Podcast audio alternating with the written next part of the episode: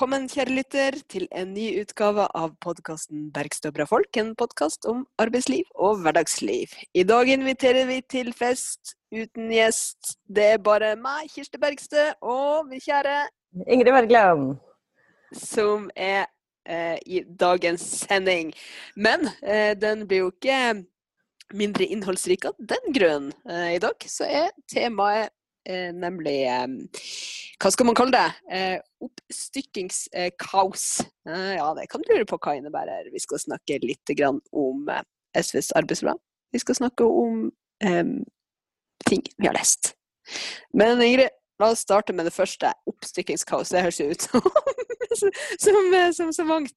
Men det vi prøver å sikte til, er hvordan går det egentlig når noen som egentlig kan ha ganske eh, god eh, gode eh, tjenester, tilbud, for så vidt arbeidsforhold, eh, bare stykke opp, eh, outsource eh, og styre på, eh, og så går det så galt som det kan gå. Fortell. Ja, altså jeg vil gjerne fortelle min historie fra da vi skulle kjøpe noen ting fra Ikea og få det hjemlevert. Altså vi eh, sosialister er jo ofte spesielt opptatt av oppsplittingen av tjenester i offentlig sektor. Men mm privat sektor har jo litt å stri med de også, når de driver med det samme. Uh, ja, det er som du sier, Ikea er jo ellers et selskap som er kjent for uh, ja, mye, mye strømlinjeformede uh, løsninger som gjør at man i hvert fall utenfra får inntrykk av at ting er ganske smooth. og så kan det jo selvfølgelig hende at Ikea har hatt litt sånn ekstra stort trykk på sånn hjemlevering nå i disse koronatider. Vi hører jo at folk driver og pusser opp mer enn noen gang. og man er mye hjemme, da ser man kanskje plutselig litt mer eh, hva man egentlig trenger. Er, er det eh, rart det går litt sånn dårlig med forholdene? Jeg ser sånn her ah, Sånn redder du forholdet i koronatida. Det er jo fordi jeg pusser opp. da bruker det å gå galt. Ja. ja, nei, så er det sånn at ja, og i min familie så, så, har vi da også hatt ja, litt bedre tid og litt mer hjemmetid, og da har vi begynt å se litt sånne ting vi har trengt, da.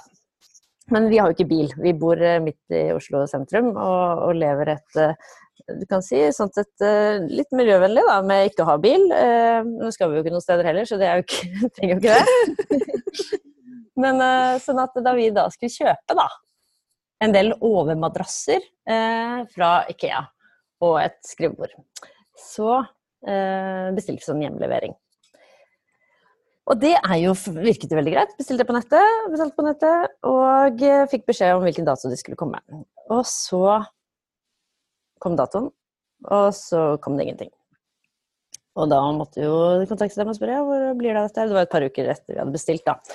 Og så, så går det ikke an å ringe dem eller maile dem, men man må chatte med dem i åpningstiden. Eh, greit nok. Chatte med dem. Å nei, det er mange andre som chatter med dem. Så man i tillegg sitte og vente til man får oppmerksomheten til eh, Det er jo et menneske, ikke en robot, da, men likevel. Det er bra. Det er bra. Men uh, så får vi da Nei, ja, det var jo rart. Eh, ja, kommer, eh, da fikk vi nytt leveringspunkt og, tidspunkt. Og så, når den dagen kommer, så blir vi oppringt. Uh, man må jo da hele tiden være hjemme da mellom, var liksom, mellom fem og ti eller noe sånt. Så ringer de sånn klokken ni. Ja, ja, nå er vi like ved her, så nå, dere er nesten vi leverer. Uh, det er første etasje, ikke sant? Og så har jo vi oppgitt at det er femte etasje. Og det var på en måte ikke noe Vi kunne ha båret opp fra første, men vi svarte dem bare Nei, som vi skrev, så er det femte etasje. Her, femte etasje! Og så bare legger de på. uh, ok. Og så bare Og så hørte vi ikke mer. Så kom det ikke. Og så sier vi fra igjen da, dagen etter med enda sånn ny runde med den chatten. Og bare nei, det kom ikke, og det var rart. Sånn. Og Så det er, ikke, nei, det er rart, for det står her at det, at det står femte etasje. Og dette må vi bare ta med Bring. For det er jo da, her er poenget. ikke sant? Dette er det jo ikke Ikea selv som driver med, de har kjøpt da utleveringstjenesten av, av Bring. Eh, så da var Ikea veldig rar. Nei, beklager dette her. Og her står det faktisk at det er utlevert, men det var jo merkelig, og det skjønner at ikke det er utlevert. Og, sånn. og så får vi endre et lite punkt, da. Og da var det sånn Ok, nå kommer det! Hurra, endelig. liksom. Og så kommer, eh, kommer, det en fyr og bærer opp da, en svær madrass da, opp til, til vår femte etasje. Og vi bare ja, ja, takk for det. Uh, så var den sånn litt, sånn, litt sånn tjukkere og annerledes enn vi trodde. Vi skulle ikke bare en sånn overmadrass, men ja, greit nok. Og så, så sier vi sånn Ja, det er, det er, en del mer. Ikke sant? Han bare Ja, ja, det er masse mer. Og så han, kommer han opp igjen, og så bare bærer han på noe som er sånn Hæ, er det en overmadrass? Så veldig rar ut. Bare sånn gulaktig, klumpete. Men dette er jo teppe. Vi skal ikke ha noe teppe. Teppe som avmøres. Det er fint. Nei, og, så, er han sånn Nei, nei, men dette får du bare ta med IKEA. Jeg sånn, ja, men du, vi trenger, du bør ikke bære opp dette her, fordi dette er ikke vårt. Dette, her har vi fått feil levering. Og ja, nei, men jeg kommer med flere ting. Så tenkte jeg, ok, kanskje bare én feil ting, da. Men så kommer han da med lister, han kommer med noen eh, rammer til noen plakater eller noe. Og vi bare dette, her er, dette er ikke våre ting. Ah, ja, ja, men det må du ta med IKEA. Jeg bare, ja, men vi skal ikke ha dette. Og bare, ja, nei, nei, men det må du ta med IKEA. Jeg, jeg har fått beskjed om å levere dette. Og så prøver jeg å stoppe han, men du, du bør i hvert fall ikke ta dem opp i femte etasje. fordi dette, dette er ikke vårt, så dette må jo altså bli hentet. Eller kan, kan ikke dere kjøre tilbake? Nei, nei, nei, jeg kan ikke kjøre tilbake. Jeg skal levere dette i femte etasje. Nei, men ok, men bli med ned. Jeg, jeg blir med deg ned, og så bare setter vi det ned i bodearealet i, i, i kjelleren. Sånn, ja, men jeg skal levere det i femte. Jeg bare sånn, nei, men du trenger ikke det! Det går bra. Jeg blir med deg ned. Og så trasker jeg ned med han, og der møter vi kollegaen hans som bærer på en sånn kjempetung, svær, eh, svær plate av noe slag. Som er sånn uh, Her skal vi ikke opp i femte. Jeg bare, nei, nei, nei, vi går ned i kjelleren. Han bare, nei, men vi må jo levere i femte. Er det ikke plass i femte? Jeg bare, sånn, vi skal ikke ha det! Det er ikke våre ting! Bare, vi tar det med ned. Ok, ja, ja, greit. Og så setter vi da uh, dette i kjelleren. Og så uh, men er det mer nå? Så ser de på meg sånn, ja, ja, det, er- det er masse mer. Og så bare fortsetter de å bære. Og de bare bærer, og de bærer, og de bærer. Og jeg kødder ikke. Det er liksom det er, det er møbler eh, eller ting da, som ser ut som et slags kjøkken eller en sånn skapmodul. Eller. Vi snakker liksom, Og det står kilo på dem, ikke sant? så det står sånn ja, Antakeligvis møbler for sånn 300-400 kilo, da, som disse to gutta bærer og sliter ned da i vår bod. Som jeg da måtte virkelig stoppe dem fra å bære opp i femte.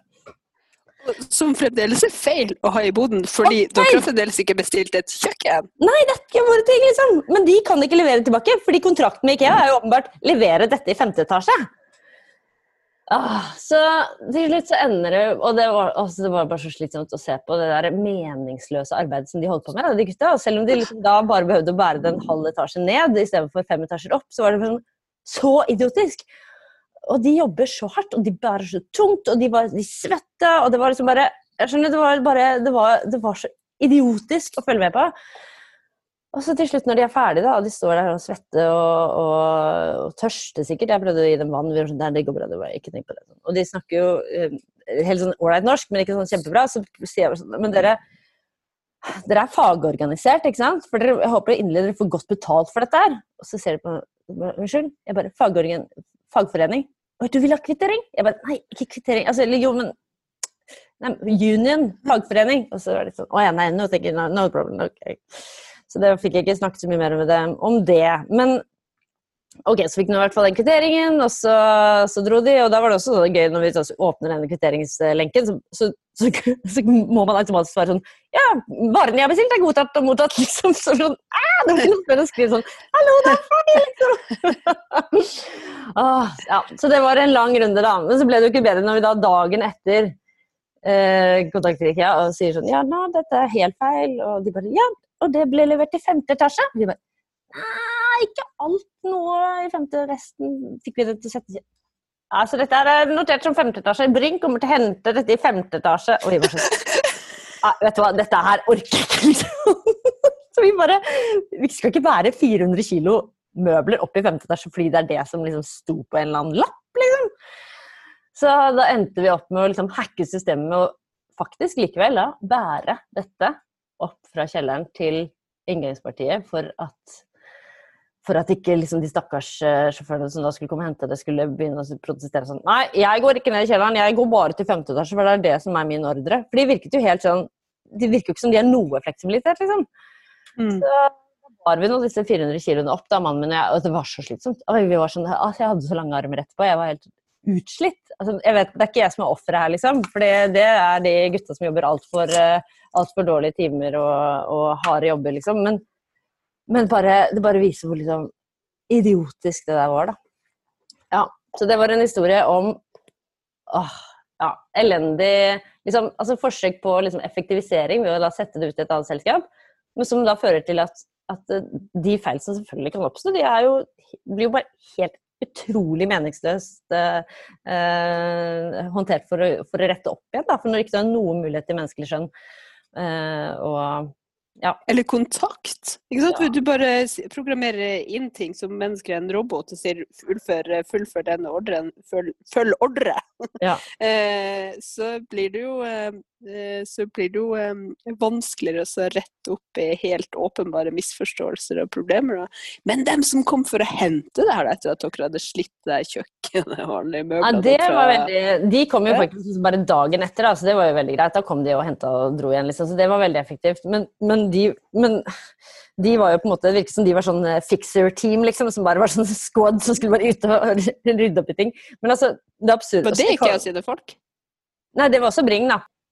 Jo, så når de kom, så greit nok, de kom dagen etter videre, men bare den ideen Ikea har om at eh, Nei, hvis, eh, hvis det er feilgjort, så må det bare stå der. Altså, ok, Nå hadde jo vi dette fellesarealet i kjelleren hvor vi kunne sette ting, men at vi skulle liksom være mellomlager for Ikeas feillevering, var jo også en sånn, er det også en litt sånn rar løsning, da. Selv om de kom bare et døgn etterpå. Altså, så, så ja. Så, mm, så det er jo et tips da, hvis man har lyst til å pranke noen skikkelig, så kan du bare bestille en sånn sjukt mye stæsj og sende det hjem til noen du ikke liker.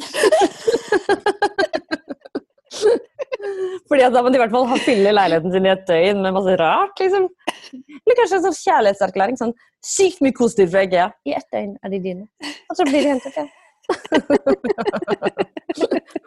Det er gøy sivil ulydighet for å face med storkapitalen. Mm. Men jeg var på IKEA sjøl for ikke så veldig lenge siden. Og da tenkte jeg jeg får helt sånn der er- Jeg blir helt sånn satt ut. Og, så, eh, og det gjelder ikke bare IKEA, det gjelder alle kjøpesentre. Alle steder som er store, som har altfor mange ting.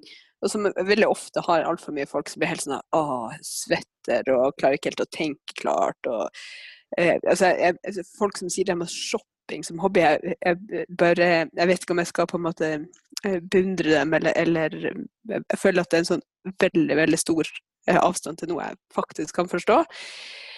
Så jeg eh, tenkte først når jeg gikk inn, så tenkte jeg at det den burde hatt på utsida, var en sånn eh, pop-up eh, shotbar. Det hadde jo gjort, eh, hadde jo gjort de her eh, rundene, de her timene, litt mer sånn overkommelig. Eh, det er jo du ser, det, det. ser Kirsti sitte med den antibac-en og bare sutter på den for å bare få litt sprit. Nei, det kan jeg styre meg for. Men bare en sånn der Yes, you can bar. for fordi Mm. før du skal inn og gå fra hylle til hylle og, og feile på eh, hva som passer sammen og ja, eh, alt, alt sammen. Det er sånn- ett sånt telt med mindfulness, ett telt med yoga. Eh, Ja, hva tenker du at Nei, de for at skal gjøre? kundene, liksom, kundene kan, kan gå inn og få liksom sånne slags healing før eller etter, ikke sant? Ja, fordi det jeg virkelig trenger når jeg er på IKEA, det er liksom gå inn i et telt som sier at det du må gjøre, er å ta, eh, ta eh, eh, Gå inn i deg sjøl og fortelle at denne situasjonen er eh, helt i orden. Eh, det er bare måten du takler det på som er problemet. Nei, det er konseptet som er problemet her. Mm. Men eh, jeg fant en glede da, eh, i den her eh, hvileløse vandringa opp og ned i etasjene. Eh, og det var, det var en pult. Vet du hva den het? Nei. I dåsen. det går ikke an. Men Det eh, det er faktisk en av mine favorittbarnebøker. er jo en bok som heter 'Umbraco-monsteret', som er skrevet av eh, Ja, Nå tror jeg du skulle si 'pult i dåsen'. Pult ja, det, fordi det ville vært alvorlig hvis det var en barnebok. Men Umbraco-monsteret derimot, ja, Mhm. det høres bra ut. 'Umbraco Monstre' er skrevet av Inga Sætre og Ingvild Risøy. Som er en veldig veldig fin eh, barnebok som handler rett og slett om, eh, om en natt på Ikea. Som er da en mor og en datter som skal på Ikea for å kjøpe noen greier. Og så begynner de å krangle, så hun jenta stikker fra moren sin. Og så blir hun, så gjemmer hun seg på en hylle, og så ligger hun der, og så stenger Ikea. Så har hun da denne natten på Ikea. Og hva skjer da? Selvfølgelig kommer det jo et Umbraco-monster, som er et sånt monster som skaper seg selv av restelageret borti hjørnet. veldig, veldig fin navn på det. Varmt. Eh, og, og så er det jo selvfølgelig, apropos sånne tullete navn på ting som de har på IKEA, så er det utrolig mye sånn tatt på korn. Ja, hva alt heter og sånn. Og det hun selvfølgelig egentlig bare leter etter, er jo ballrommet, for det er jo det hun eneste hun gleder seg til. Mm. Mm. Så bra. Men, den kan man lese. men uh, jeg tror jo at IKEA hadde vært eh, bedre for alle hvis flere var organisert der. Eh, fordi du har vel hatt kontakt med en del av de som er på laget der tidligere, Ingrid? Ja, Nei, det er jo, mm. det er jo i organiseringsgrad på Ikea, men, men, det som jo er problemet der som mange andre steder, er det å tas inn vikarer og, og fra bemanningsbyråer. Og de, de, blir ofte ikke organisert, og de eh, brukes eh, brukes eh, ja, brutalt, da, sånn som det jo ofte er. Sånn at eh, Så der er det der, men, men, jeg vet at de, de, de jobber, jo, jobber, jo, hardt på der også. Eh, men, men det som var litt absurd da jeg var og besøkte den klubben der ute, var jo på den ene siden å høre, høre det de, de, kjempet for med tanke på helt ekstreme åpningstider, som jo ikke jeg har. Eh, mm. Som jo krever at folk må jobbe også på lageret til veldig merkelige tider. Eh, som langt, langt utenfor det, eh, det noen som helst lege vil anbefale, med tanke på nattarbeid og sånn. Men da i tillegg til å høre disse livserfaringene da, til folka som jobbet eh, med, med, disse rå arbeidstidene, så etter å ha vært og snakket med dem, så på vei ut så hang det sånn plakat fra HR-avdelingen hvor det var sånn forslagskasse post, med postkasse sånn Hva er din drøm? Hva ønsker du for at Ikea skal bli bedre eh, som arbeidsplass? Så er det sånn bare gi folk litt ålreite arbeidstider og gi dem hele stillinger, liksom. Kan begynne med det. Du trenger ikke noen forslagskasse for det. Du har en klubb som faktisk kommuniserer det. Bare følg med, liksom. Ja. Et ballrom for de ansatte. Ja, ikke sant. Ja. det, det har du smilt hvor mange ganger Helt i dag. Altså, det sto sånn helt sjukt. Sto det det? Ja, ja, ja. Veldig. Ja. ja. Hvis du må stå opp klokka tre eh, fordi du har litt reisevei til lagerjobben din som starter altfor eh, rart tidspunkt, eh, så, eh, så er det jo ikke den dagen du smiler mest til folk. Nei, Nei Åpningstida er et problem, og det, jo, det, det, gjelder jo selvfølgelig ikke bare Ikea, men det er jo et generelt eh, problem eh, at at åpningstidene er altfor lang. Og det er jo én av mange ting vi ønsker å gripe fatt i eh, med det eh, pro programmet som, som, vi har, eh, har laga. Eh, altså eh, forslaget til SV sitt sitt arbeidsprogram. Arbeidsprogram det høres jo ut som noe et parti liksom skal jobbe med, og på, på mange måter er det jo riktig. Det, det forslaget det hva man skal gå til valg på. Hva er, det, mm. hva er de viktigste sakene som man ønsker å gjennomføre i neste stortingsperiode? Det er jo det som, som står eh, i, i, arbeidsprogrammet. Og så er det jo sånn Når man lager program, så er det jo mange partier som har litt forskjellige program. Man har liksom prinsipprogram som sier at man ønsker et sosialistisk samfunn, og hvordan, eh, hvordan man ønsker å, å, strekke seg mot det, mot et samfunn der, der eh, mennesker og miljø er ikke underordna markedet, og vanlige folk har, har mye eh, mer makt, og der vi eier i lag og, og fordele etter folks behov og det beste for fellesskapet. Og så er det liksom Arbeidsprogrammet det er jo en, en konkretisering av hva, hva som er viktig her og nå. Hva man skal gjøre eh, nå akkurat de her neste fire årene. Mm. Ja, du nevnte det jo så vidt eh, forrige, forrige sending vi hadde. Eh, men, eh, men, det var jo bare i forbifarten. Ja, det var bare i forbifarten. Kan du si litt om altså Jeg må innrømme at jeg har, jeg har lest det, men, men Har du det? Det er ganske langt. Du, er så, du, er så, du, leser så mye greier. Jeg blir så imponert over deg. Leseevne. Nei, men uh, klart du må lese det. Vi sitter jo, jeg sitter jo også i lokallaget til Grünerløkka SV, så vi har, jo, vi, vi har, jo, vært innom gjennom programmet for å se hva, hva vårt lokallag mener. Uh, mm. Men kan ikke, du, kan ikke, du, dra oss gjennom eh, noen av hovedpunktene, da? For de som ikke har lest det. Det, det, kan godt, ikke sant? fordi at Den første delen eh, handler om eh, grønn ny deal, eh, SVs plan eh, for en, eh, en, rettferdig omstilling eh, nedenfra. og det er jo det er jo et sånn nybrottsarbeid som, som vi har holdt på med i partiet en god stund, og som min kjære nestlederkollega Torgeir Knag Fylkesnes har har um, tatt lederskapet for eh, å utvikle en sånn helhetlig plan. Hvordan man skal vri virkemidlene, hvordan skal man ta aktive grep, eh, få en, en, en, statlig eh, politikk og næringspolitikk som gjør at man kan eh, sørge for at klimakrisa eh, og eh, fordelings- eller forskjellskrisa løses i sammenheng? Hvordan kan man få en, en omstilling som både sikrer bedre fordeling eh, og, og, arbeid og eh, satsing på, på industri? Og for så vidt også nye, nye arbeidsplasser for, for fagarbeidere og, og, for samfunn. Og den planen som Torgeir har laga, det er jo liksom en sånn overordna tiårsplan. Altså det vi har jobba med nå, er hvor skal det her starte? Hvordan starter vi nå de her første fire årene? Og da er det jo tre eh, områder som er eh, som er hele denne delen bygges, bygges eh, rundt. Og det er å kutte, bygge og dele. At man skal kutte utslipp. Man skal bygge landet, et nullutslippssamfunn, bygge ny industri, bygge flere arbeidsplasser. Og så må vi dele mer eh, rettferdig. Eh, og da handler det jo både om å stille eh, strenge krav. Det handler om å bruke statens muskler, og, og, altså krav til både miljø og arbeidsforhold. Eh, og det handler om å bruke statens muskler og midler for en, eh, en, en å, å, ha en aktiv eh, næringspolitikk og aktivt eierskapspolitikk.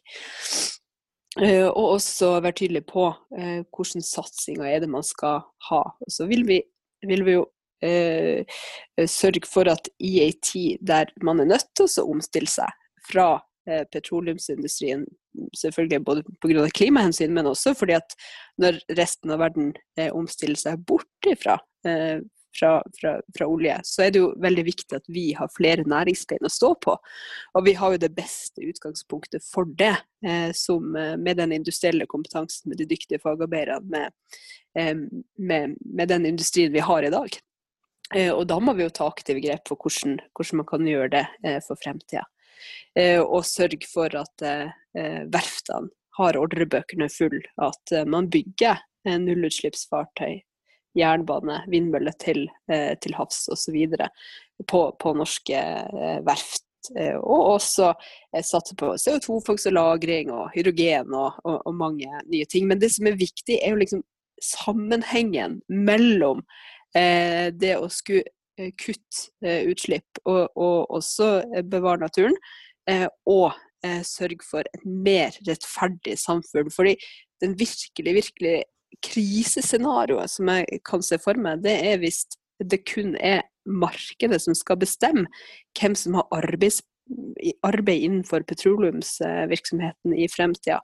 Og så får du det skrekk skikkelige svingningene eh, og risikere massearbeidsløshet i et område der, der eh, organiseringsgraden er egentlig ganske stor. Den er ganske god. Da får du en voldsom maktforskyvning i hele arbeidslivet. Så vi må gjøre det motsatte. Vi er nødt til å sørge for en eh, styrt omstilling, der man har folk med på laget. Dem det gjelder, skal være med på laget. og der vi også må bruke muligheten for å, for å lage et bedre arbeidsliv. Så det er liksom den, den ene delen, det som mm. går, går, på grønn idyll. Eh, den, beskriver en opptrapping av den grønne industrien, eh, eh, samtidig som Eller for at det skal være mulig med en nedtrapping av olje? Ja. Eh, starten på det. Hvordan, mm. hvordan grep er det man må ta? Jo, nei, det handler om hva vi skal finansiere. Hvordan skal man kunne sørge for at kapital og kompetanse eh, finner veien til Eh, landbasert industri eh, og til fornybar energi. Og da må man gå gjennom alle delene av politikken som, som, som styrer det i dag. Hmm. Men grunnen til at jeg egentlig tenkte på arbeidsprogram i sted, det var jo pga. De, de ansatte i, i, i varehandelen. og det gjelder jo for så vidt også mange av dem som jobber på norsk sokkel og, og, og Eh, i norsk farvann. Eh, for, for det, noe av det viktige nå, det er jo å skaffe folk jobb. Eh, det er å sørge for at i en tid der mange mister jobben, mange blir permittert, ja, så skal alle ha arbeid. Fordi det er jo når arbeidsløsheten stiger at folk settes opp mot hverandre, og vi virkelig eh, kan gå dystre tider i møte. Eh, og livet blir forbanna tøft. Eh, men også hvilken type arbeidsliv. Og da må vi sørge for at de som er innenfor varehandelen, blir beskytta av arbeidsmiljøloven sine bestemmelser. At også dem skal omfattes av kvelds- og helgearbeid. Eh, og at eh, man skal beskyttes mot alenearbeid der man er utsatt. At de som Eh, selvfølgelig skal søndagen eh, fremdeles være, være, en fridag for alle som har muligheten til det, og ikke en handledag for dem som ønsker seg det. Eh, og, også, eh, og, også, sørge for at arbeidsmiljøloven og, og, bestemmelsene i Norge er gjeldende for sokkelen, for, eh, for, eh, for Eh, dem som, som jobber i, i, norsk farvann. Eh, og selvfølgelig ta tilbake det her ekstreme frislippet i taxibransjen osv. Så, videre. eh, så flere, flere trenger beskyttelse. Flere trenger bedre beskyttelse i et arbeidsliv med veldig skjeve maktforhold. Eh, og så må vi få eh, arbeidsmiljøloven til, eh, tilbake, og bedre den. Og det betyr at de angrepene som høyreregjeringa har har eh, påført den, de må slås tilbake, paragraf for paragraf, eh, til fordel for å styrke eh, arbeidsmiljøloven. Mm. Styrke arbeidsmiljøloven, ja. Det er navnet på en pamflett jeg har skrevet, faktisk. Nei, men du verden, så bra. Gikk tilfeldig. Først så skrev jeg pamfletten 'Forsvar arbeidsmiljøloven' for å mm. stoppe Frp-regjeringen, og så hjalp ikke det. Ble en ny regjering. Så ble det enda et nytt stortingsvalg, så skal jeg styrke arbeidsmiljøloven.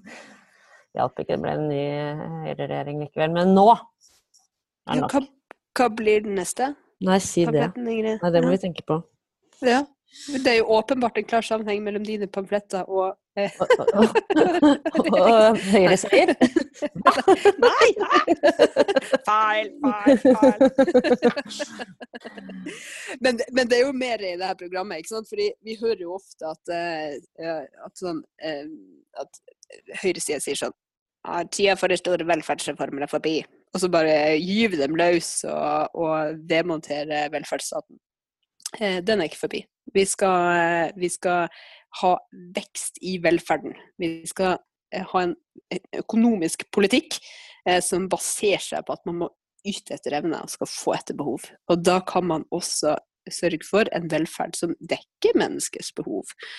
Eh, som, eh, der det offentlige må gjøre det, eh, altså utføre de oppgavene og løse de, de utfordringene vi har, som, som det offentlige kan. Det tenker jeg bør være et viktig prinsipp. Eh, og også at, eh, at man skal bygge ut eh, de, de delene av, av, velferden som, som, det er behov for. En god del folk trenger bedre inntektssikring. Vi ønsker gratis SFO, sånn at alle unger kan være med på leken. Og at man sørger for at den tida man faktisk er på skolen, er gratis. Det er veldig rart at den ikke er det. Mm. Og tannhelsereform. Tennene er jo en del av kroppen, vil jo mange påstå. Med mindre de faller ut. ja. Og, du, og da mister tennene, ja, da er det ikke en del av kroppen. fordi, fordi, siden vi har hatt en sterk eh, arbeiderbevegelse som har kjempa frem velferd og sørga for at vi har eh, fått et veldig godt eh, eh, helse, eh, helsetjenester på den måten at de er for alle, eh, så det er mye man må gjøre der òg.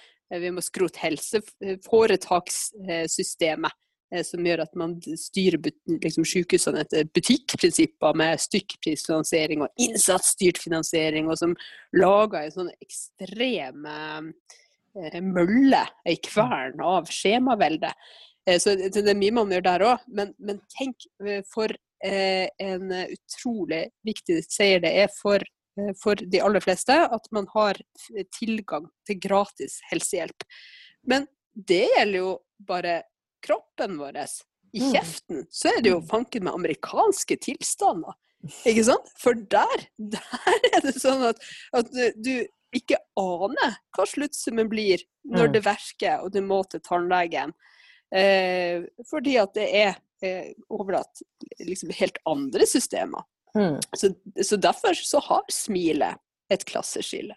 Ja. Og det er vi nødt til å, få gjort noe med. For mm. mange gruer seg til å dra til tannlegen, og dårlig tannhelse det går ut over livskvaliteten, altså. Ja.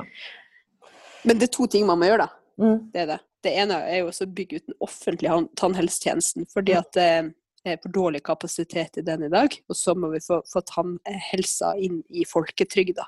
Men det er veldig viktig at de to tingene skjer sammen. Da. Dette begynner å tegne seg til et veldig bra program som folk hører. Så, men du har noen ting til, eller? Du, det er så mye mer. Men det er så veldig, veldig mye mer. Så, eh, men jeg kan jo nevne eh, noen ting. Ja, hva skal det være? Vi eh, vil ha et skikkelig løft for distriktene. Det er ingen naturlov som gjør at distriktene utarmes. Og, at, og det er jo dypt problematisk for byene. At, at folk flyttestrømmen går den veien. I allerede pressområder også eh, pga. bolig eh, eh, og, og, og boligmangel og, press på, på ordentlige boforhold. Eh, så Derfor så trenger man en politikk som både er bra for, bygd og for by, og som sørger for at eh, flyttestrømmen snur. Eh, og at man får vekst i distriktene. Sånt. Det er jo det, er ganske store grep som, som må gjøres der. Men en ting som henger sammen med det, Eh, og for så vidt også Grønn ny deal, i forhold til å hente produksjon igjen. Og ta havet tilbake og jorda og skogen i bruk. Uh, og det er, jo en ny industrireising vi kan se langs kysten, hvis vi omfordeler fiskeriressursene. Hvis vi har en, en, fiskeripolitikk som gjør at fisken landes i lokalsamfunnene, istedenfor å fære fråsen ut, ut, ut, av landet, eh, da kan vi ha eh, videreforedling eh, og produksjon på land. Så trenger vi en, en politikk der vi bruker de utmarksressursene vi har, til, eh, til jordbruket, eh, og der vi stiller krav til at norsk skog ja, det skal være en del av, av bygga våre, sånn at man kan få brukt de fantastiske ressursene som, som, vi har. Så må man ta vare på naturmangfoldet og sørge for um, en rettferdig verden. Mm. Jeg har lest landbrukskapitlet, som jeg syns er veldig interessant. Jeg har jo mm. aldri brydd meg om det, det er kanskje ikke lov å si, men det eh, ble jeg først engasjert i av å lese den flotte boka av eh, 'En nasjon av kjøttur og 'Mellom Bakkar og Kjøttberg', som er de to bøkene som manifestet gitt ut om eh, landbrukspolitikk av Sven Arne Lie og Espen Løkland Stai. Og det jeg lærte av dem, er jo hvordan eh, den eh, selvforsyningsgraden eh, til Norge jo eh, nærmest er en slags eh, løgn, sånn som statistikken står nå, fordi jo det er en enorm soyaimport eh, til Norge. Og det mm. Eh, gjør jo at, eh, at det som tilsynelatende ser ut som høy grad av selvforsyning, egentlig er veldig, veldig basert på importert soya. Og mm. der tar SV noen fine grep, så det er hurra for det. Ikke sant. Det gjør vi. Eh, fordi det må være basert på norske innsatsfaktorer. Det må være, det må være beite eh, og, og lokale eh, dyrefôr, ikke importert kraftfôr og, og soya. Men jeg syns jo det er rart Ingrid, at du trenger å lese to bøker for å bli opptatt av landbrukspolitikken når man er sulten mange ganger om dagen. ja, men, men jeg, mener, jeg skjønner det. Fòrenheter og sånn var liksom ikke ting jeg tenkte så veldig mye på før. Nei. Så jeg, jeg, har det kanskje ikke vært så innmari mange gårdsbruk Jo, du er jo fra, du er fra Akershus. Der er det jo, der er det jo Veikrysset Lysaker, så ja, ak Akkurat der er det kanskje ikke så mye jord under i nebbene og, og melk rett fra kua. Eller, eller fra oksen, som har blitt jo en gang siden. Husker du det? Han hadde vært på noen gårdsbesøk, og så ja. han, drakk melk rett fra oksen. Jeg bare Oh, baby, nå er du lurt. Men det, jeg har jo begynt å skrive programmet, det har jeg holdt på med i ett år, så jeg kunne jo snakka et år om innholdet i det òg. Eh, men mm. du har lest noen ting som du har lyst til å dele eh, til oss. Ta det helt til slutt, Ingrid.